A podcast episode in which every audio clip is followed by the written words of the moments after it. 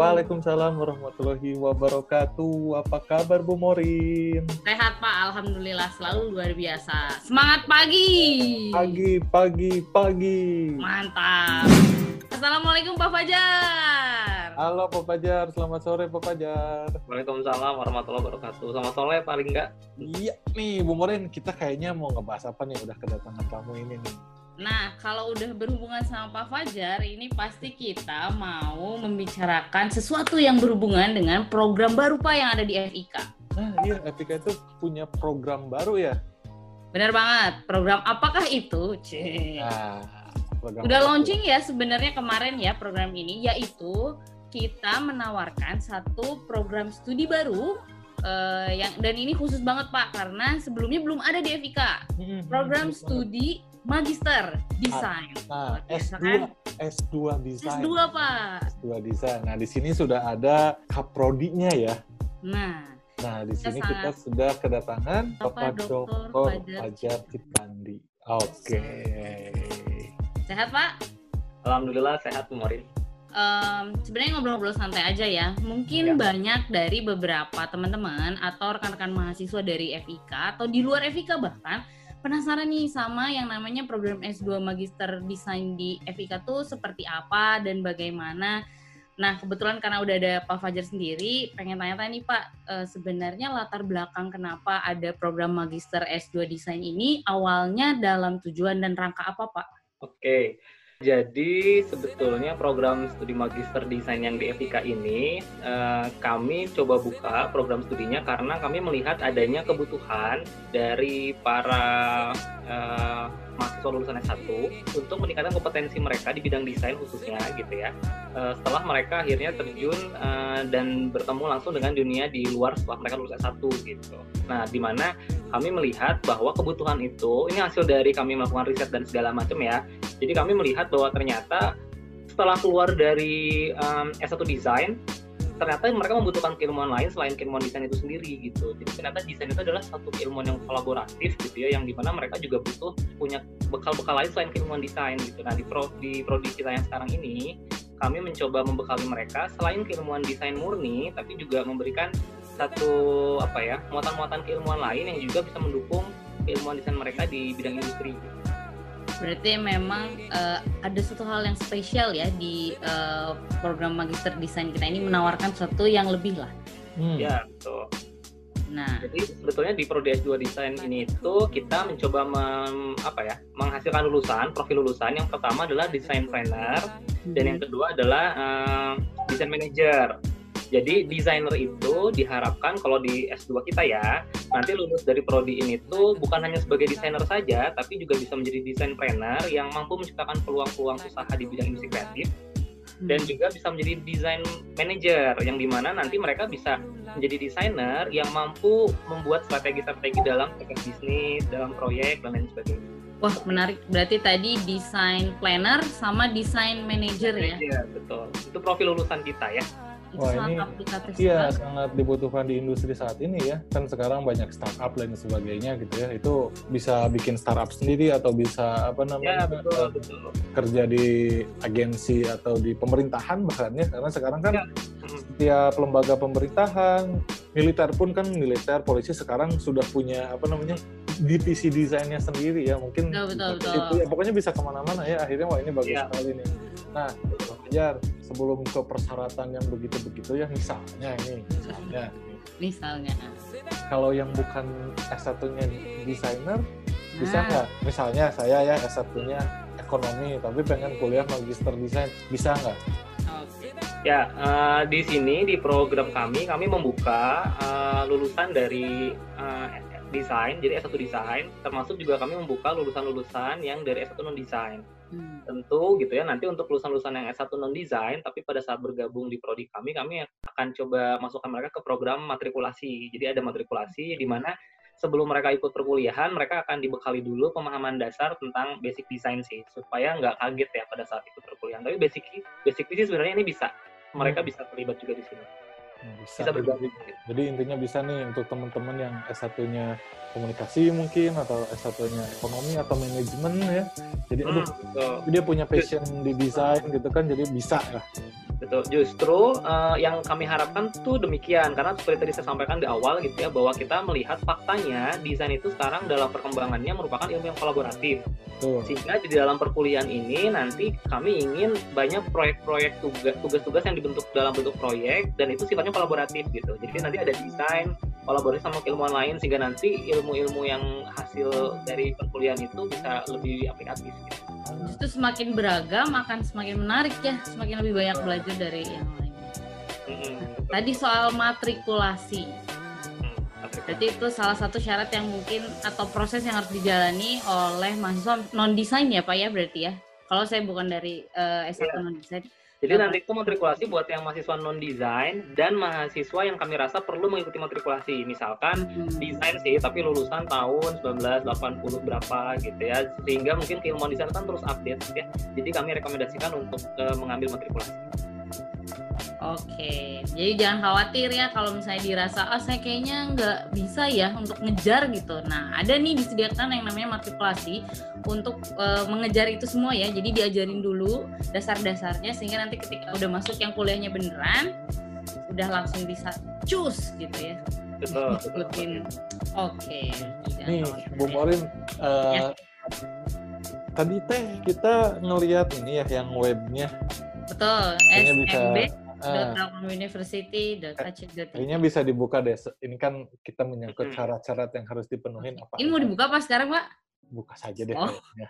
Buka ya.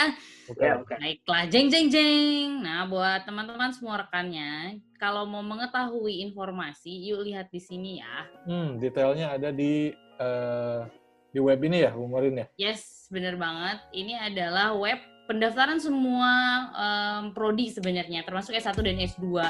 Tapi kalau misalnya mau masuk, langsung aja klik di sini ada bagian pasca sarjana, lalu masuk ke home-nya, maka otomatis akan berada di halaman ini nih. Ada pilihannya tuh, coming soon. Program perkuliahan jarak jauh, PJJ dan sebagainya. Ada program studinya. Bu Morin coba punten ke atas lagi. Yes, siap. Nah, ini kan di sini yang di pasca sarjana tuh. Ini ya. Pasca sarjana. No, itu teh ada Oh, fast track, iya, direct iya, iya. track, beasiswa itu apa nih Pak Fajar nih? Betul. Ya, jadi kalau jadi sebenarnya proses penerimaan mahasiswa itu ada tiga jalur. Jalur pertama adalah jalur reguler. Jadi jalur reguler itu penerimaannya umum gitu dari siapa aja. Mereka nanti mengisi pendaftaran dan lain sebagainya. Itu reguler ya. Jadi bisa dari angkatan berapapun. Kalau yang namanya direct track itu adalah mahasiswa yang baru lulus kemarin, baru selesai sidang, baru di wisuda, punya surat kelulusan, langsung ngambil S2 itu disebutnya direct track. Nah, Oh. kalau yang fast track itu, jadi mereka saat masih mengambil perkuliahan S1, mereka sambil mengambil perkuliahan S2. Biasanya nanti perkuliahan S1, S2-nya dijalankan bersamaan di semester 7 dan 8. Oh, itu bisa ya? Bisa. Jadi Oh. nanti pada saat mereka lulus S1, mereka mengambil prodi S2-nya langsung melanjutkan di semester 3. Oke. Oke. oke. Ya. Wow. Tapi untuk prodi S2, eh, fast track sendiri baru akan dilakukan di tahun depan. Jadi Oh. untuk yang prodi lain selain eh, desain mungkin sudah berjalan ya, tapi kalau dari desain kita akan mulai di 2021 karena kita sedang penyesuaian kurikulum dulu untuk ke situ. Hmm, Sip. oke, Berarti oke. pilihannya tadi reguler yang sudah lulus ya, berarti Iya. dari tahun berapapun dan kemudian direct track. Nah, Tuh. Buat mahasiswa yang kemarin baru banget diumumkan kelulusan sidangnya, berarti insya Allah sudah lulus lah ya sebentar lagi sudah.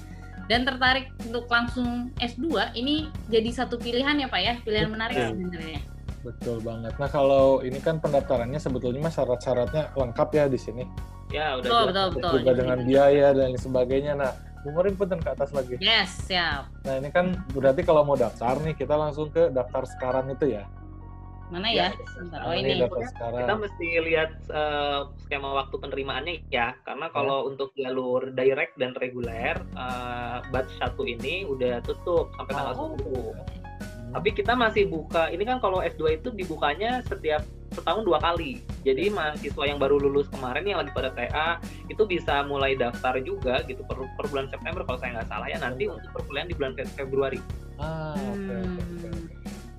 Jadi kalau eh, yang sekarang batch satunya udah tutup, jadi nanti batch 2-nya di bulan September ya untuk perkuliahan bulan Januari. Februari. Eh Februari, sorry. Ah, oke okay, oke. Okay. Jadi kalau untuk teknis apa pendaftaran mah bisa langsung dilihat saja ya. Langsung aja. Nah, buka websitenya kemudian diisi formnya. Oke, okay, nah kalau yang tadi Ibu Morin coba di back. Back, oke. Okay. Di back. Back, back, apa, back. Ini apa nih Pak? Surat rekomendasi download Oi. surat. Ini apa nih Pak rekomendasi teh? Jadi nanti mahasiswa yang coba melamar ke prodi S2 Desain itu perlu melampirkan surat rekomendasi baik dari kalau yang bekerja dari tempat pekerjanya gitu ya. Kalau dari mahasiswa yang fast track atau direct tadi bisa dari dosen pembimbing atau uh, apa namanya? Nuali biasanya ya Pak ya? Ya betul. Pokoknya orang yang memang uh, mengenal dia secara akademik gitu. Ah, oke oke oke oke oke. Jadi itu syarat yang harus dipenuhi juga ya, yang rekomendasi ya. Betul. Maka berhubunganlah baik dengan dosen ya. wali dan dosen pembimbing. Karena mereka yang akan memberikan rekomendasi kalau mau melanjutkan di S2 ini. Pak kalau syarat minimal IPK tadi ada ya persyaratan? Minimal IPK ada. Jadi syarat minimal IPK itu 3.00. Ah, 3.00 ya. Nah, oke oke oke oke. Wah ini ini sebetulnya sangat mudah ya untuk melakukan pendaftarannya pun ya karena semua sudah lengkap nih di sini mulai dari syarat, mulai dari apa eh, hal-hal uh, yang bersifat teknis lainnya tuh udah ada di sini sebetulnya mbak. Jadi ya, langsung dilihat. Gitu ya. Ini pak, ada yang menarik lagi pak. Apa nih? Ternyata harus nyediain proposal rencana tesis. Oh tentu saja. Harus, harus ada ya. Ya. ya.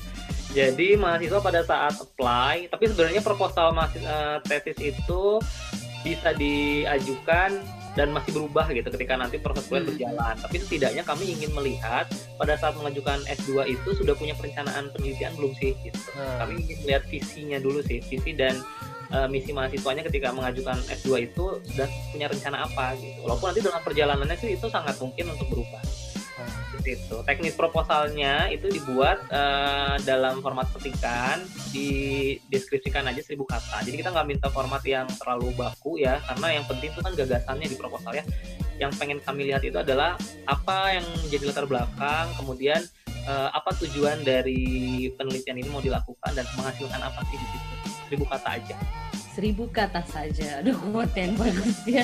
Pak, kalau mau lanjutin penelitian yang sebelumnya ini kan kalau ini direct berarti bisa ya? TA saya kemarin misalnya tentang apa, kemudian sekarang dilanjutin nih gitu, difokusin lebih ke uh, eh, bisa berarti bisa ya? Bisa. Jadi misalkan uh, penelitian S1-nya kalau yang ngebahas tentang batik misalkan ya mau dilanjutkan lagi untuk penelitian S2-nya tapi ke arah yang lebih uh, apa namanya komprehensif silahkan. Hmm. Nah, Terus nanti juga ada wawancara Pak ya? Ada wawancara betul. Jadi nanti akan ada dua dosen uh, dari prodi S2 termasuk saya sebagai kaprodinya yang akan menginterview uh, calon mahasiswa tersebut. Karena kan ada kuota ya. Nah, ya. Kuota ini kami batasi sehingga kami akan menseleksi mahasiswa-mahasiswa yang uh, memiliki kualifikasi baik. Hmm, biasanya dicek nih motivasinya apa gitu ya. Hmm, betul. Selain kelengkapan administrasi kayak tadi ya IPK, kemudian ada TOEFL, TPA gitu ya. Yep. Termasuk juga yang menjadi poin penting dalam interview itu adalah motivasi uh, dan rencana penelitian yang memang sudah disiapkan. Nah, motivasinya harus jelas. Misalnya motivasi apa? Saya pengen nyari jodoh Pak di S2. Oh ya boleh sih, tapi tolong itu ya. Nah, lanjut Pak. Oke, okay, apalagi nih? Apalagi ya nah kemarin eh, tadi Pak Fajar bilang tentang akan diwawancara oleh dosen. Boleh nggak Pak kenalin? Ini saya tutup dulu mungkin ya. Eh, kalau untuk tim dari magister sendiri Pak dosen-dosennya kayaknya ini dosen-dosen yang semua pasti udah S3 dong ya dan sudah punya penelitian dan pengalaman di bidangnya masing-masing gitu Pak. Boleh dikenalin nggak Pak Ya betul, dosennya yang pertama ya saya selaku kaprodi sekaligus dosen ya. Penelitian saya itu di wilayah inovasi produk uh, apa namanya kerajinan craft gitu ya. Jadi di wilayah-wilayah itu. Kemudian uh, ada Ibu Ira Wirasari, Dr. Ira Wirasari itu wilayahnya di branding. Jadi nanti dia akan banyak meneliti dan mengarahkan di branding tersebut. Kemudian ada Pak Didit Widiat Moko gitu ya. Pak Didit Widiat Moko nanti akan uh, mengajar sekaligus melakukan penelitian banyak di design thinking kemudian ada ya, Pak Dr. Isa itu di wilayah uh, kebudayaan gitu ya seni dan kebudayaan nanti dia akan mengajar juga di mata kuliah itu kemudian ada Pak Riksa Pak Riksa itu di film sebetulnya dan nanti akan mengajar di beberapa mata kuliah salah satunya di metodologi penelitian Nah, selain dosen-dosen yang tadi saya sebutkan, kita juga ada dosen tamu sebetulnya dosen di luar dari Universitas Telkom yang terlibat. Yang pertama adalah Profesor Nanang Rizali. Itu akan menjadi salah satu dosen kami. Betul. Pak Prof ini akan mengajar di metodologi juga gitu ya. Bagaimana sih melakukan penelitian uh, desain di ranah perancangan, pengkaryaan. Ya. Satu lagi tuh ada yang akan terlibat sebagai dosen di kami itu adalah Pak Dr. Um, Ahmad Syarif maaf Pak Dr. Ahmad oh, Syarif. Pak ya, ya Pak Ahmad Syarif ini nanti akan mengajar di mata kuliah desain dan manusia gitu ya. Jadi lebih apa namanya mencoba mempertimbangkan faktor-faktor manusianya gitu ya dalam mempertimbangkan produk desain. Nah jadi siapa pun nanti yang bergabung gitu ya akan bertemu dengan dosen-dosen tersebut luar biasa. Dari nama-namanya ini nama-nama yang sudah cukup melalang buana di dunia desain ya. Iya betul. Apalagi kalau yang alumni pasti nanti wah ada Pak Riksa lagi, wah ada Pak Isa lagi, wah ada Pak Didik lagi asik nih. Nah, gitu kan. Iya, kalau yang alumni. Jadi selain lima dosen utama tadi, Dr. Fajar, Bapak Dr. Fajar Cikandi, Ibu Dr. Ira Wirasari, eh, Bapak Dr. Isa, Bapak Dr. Didi Tidiat Muko, dan yang terakhir Bapak Dr. Reksa Sunda juga ada beberapa tim lainnya ya pendukung ya. yang akan luar biasa nih oh, bakal dapat banyak hal dan ilmu Oke, kita mau bahas beasiswa yang ditawarkan oleh um, magister ya. Pak Pajar gimana nih beasiswa buat alumni ini nih?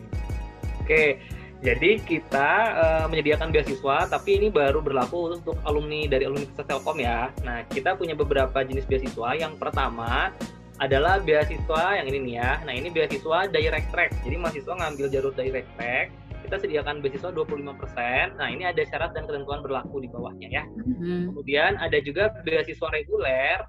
Mahasiswa yang masuk mengambil dari jalur reguler juga kita sediakan 25% dengan syarat dan ketentuan berlaku. Ini ya, ada di bawah. Silakan nanti bisa sambil dilihat. Dan ada juga beasiswa yang besarannya sampai 50% nih gitu ya buat alumni juga, baik yang jalurnya reguler maupun direct track. Tapi juga perlu diperhatikan syarat dan ketentuan berlaku. Tentu saja yang 50% ini syaratnya lebih ini ya, lebih ketat ya. Gitu. Dan ada juga untuk yang blended learning, tapi untuk di desain kita belum menjalankan proses uh, blended learning. Jadi ini beasiswa ini belum ada. Oke? Okay? Wow, 50% lumayan ya. Ayo dikejar mungkin TOEFL ITP, TPA, yang IPK-nya kemarin lulus 3,25 udah bisa langsung bisa banget. Kalau di desain banyak ya yang IP-nya di atas 3,25 ya. Nah, juga juga bisa banget diambil sama anak. Syaratnya yang harus dipenuhi terutama TOEFL sama TPA-nya yang harus lebih dari 500. Nah. TPA tes potensi akademik ya, bukan ya. taman pendidikan Al-Qur'an ya. Silakan ambil TPA Bapenas itu ada di Jakarta bisa daftar aja. Nah Aduh, jelas banget nih ya informasinya dari Pak Fajar sampai dari tadi eh, bagaimana cara oh, masuknya gitu terus program yang ditawarkan apa lalu kemudian beasiswa untuk alumni nih. Ini jadi kesempatan yang sangat besar bagi alumni yang baru kemarin lulus atau kemarin-kemarinnya lulus gitu ya kalau yang mau ngelanjutin kuliah karena banyak juga sih sebetulnya yang pengen ngelanjutin gitu ya. Terus ya kalau bisa ngelanjutin di kampus sendiri lagi why not? Kan lebih enak gitu kan ya. Sudah lebih tahu ya, betul. dan sebagainya gitu. Terus ada beasiswa. Nah. Tapi Pak kalau misalnya yang angkatan 2014 nih ngambil beasiswa gitu bisa nggak? Angkatan 2014 berarti lulusan berapa tuh? 2018 mungkin ya. ya 2018 bisa. Jadi nanti ya. dia akan mengajukan pendaftarannya melalui jalur reguler berarti kan.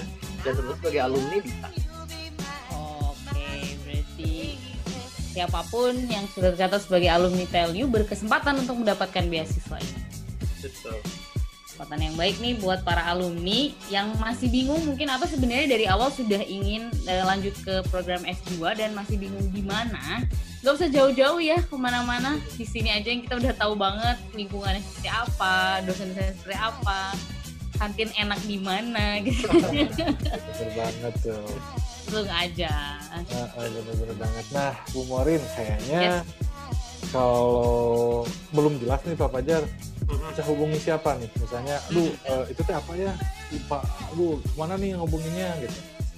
Jadi sebenarnya uh, yang paling mudah tuh informasinya bisa mengakses ke website tadi ya smbtelkomuniversity.ac.id. Di situ sebenarnya nanti ada kontak asnya juga yang bisa dikontak mengenai uh, berbagai macam hal yang ingin ditanyakan dan responnya sih berdasarkan uh, yang saya dapat dari testing mahasiswa dan calon mahasiswa sangat cepat gitu. Jadi hmm. uh, apa pun yang ingin ditanyakan silakan tanyakan melalui uh, akun tersebut gitu website tersebut. Oke, okay, oke, okay, oke. Okay. Sudah cukup jelas banget sekali pisan nih ya tentang magister desain di kita. Sekali. Jelasannya jelas sekali gitu ya. Jadi jelasnya ya Pak ya. Nah, kalau saya pengen S2 nih, saya nggak akan pikir panjang, langsung aja ke magister desain Fakultas Industri iya, Telkom iya. University gitu ya, apalagi alumni gitu kan ya. Nah, iya. Makanya. Gitu. Langsung aja yang penasaran silakan buka webnya, di sana langsung tanyakan. Terus ya Gimana nih? Minta izin orang tua jangan lupa ya, apalagi kalau ya, misalnya yang jangan kuliah tapi nggak bilang orang tua pas tagihan uang semesteran minta ke orang tua bingung. Oh, ada lagi ya tagihan yang kemarin baru lulus. Oke, sebelum kita tutup nih karena sudah semakin sore juga, Betul, uh, dari tadi perbincangannya udah menarik ya. Pak Fajar, mangga ada nggak uh, pesan terakhir yang ingin disampaikan? Ya, um, jadi saya mau menyampaikan bahwa yang tadi seperti disampaikan oleh Bu Murin dan juga Pak Lingga gitu ya, siapa pun yang ingin mencoba mengambil uh, studi lanjut gitu ya, nggak usah ragu-ragu untuk mendaftarkan dirinya ke Universitas Telkom di program studi Magister Desain gitu. Kenapa? Karena um, kami mencoba menawarkan satu program yang di mana secara uniqueness itu uh, bukan hanya berbeda dari prodi-prodi yang lain di magister magister desain yang lain, tapi juga kami menawarkan prodi yang aplikatif. Maksudnya apa? Kami betul-betul mencoba mencari uh, kebutuhan mahasiswa di industri kreatif itu khususnya di lingkungan kerja ya. Setelah nanti mereka terjun ke dunia kerja yang paling dibutuhkan itu apa gitu. Jadi kami tidak hanya memaparkan kaitan teori-teori saja, tapi juga menjadi menawarkan sesuatu yang sifatnya lebih betul-betul secara aplikatif dibutuhkan untuk kebutuhan mereka di bidang uh, kerja dan industri. Nah, Seperti itu. itu dia sih penting. Jadi inilah diferensiasinya program studi magister kita dibandingkan yang lainnya ya Pak ya. Betul. Sangat aplikatif tadi. Jadi nggak usah ragu-ragu, nggak usah bingung uh, kenapa sih saya harus pilih ini? Karena itu tadi uh, karena punya keunggulan dan uniqueness tadi ya yang sudah disebutkan oleh Pak Fajar. Yang nggak akan ditemukan di program magister lainnya. Gitu ya. paling utama. Oke okay. luar biasa. Luar biasa sekali. Saya yakin ini yang habis ngedengerin kayak gini ya langsung buka smp.telkominfo.id download uh, rekomendasi masukin daftar bulan. September ya bukaan lagi untuk perkuliahan bulan Februari ya, karena yang ini sudah berjalan ya nanti Agustus eh September akan berjalan ya oke okay. oke okay. makasih okay. banyak Pak Fajar sudah ngobrol sore sama kita hari ini mungkin itu saja ya dari kita Bung Morin Iya Pak, uh, sudah terima kasih juga atas kehadirannya uh, Pak Fajar di sini yang menjelaskan semuanya. Uh, mungkin kita tutup uh, perbincangan kita kali ini. Uh, salam dari Covid Ranger ya. Aduh. Covid Ranger. Tetap jaga kesehatan ya, tetap patuhi yeah. protokol kesehatan, pakai masker, rajin oh. tangan dan hindari tempat yang ramai. Ya. Dan tetap bahagia. Yo, dari kami, Assalamualaikum warahmatullahi wabarakatuh. Bye. Bye.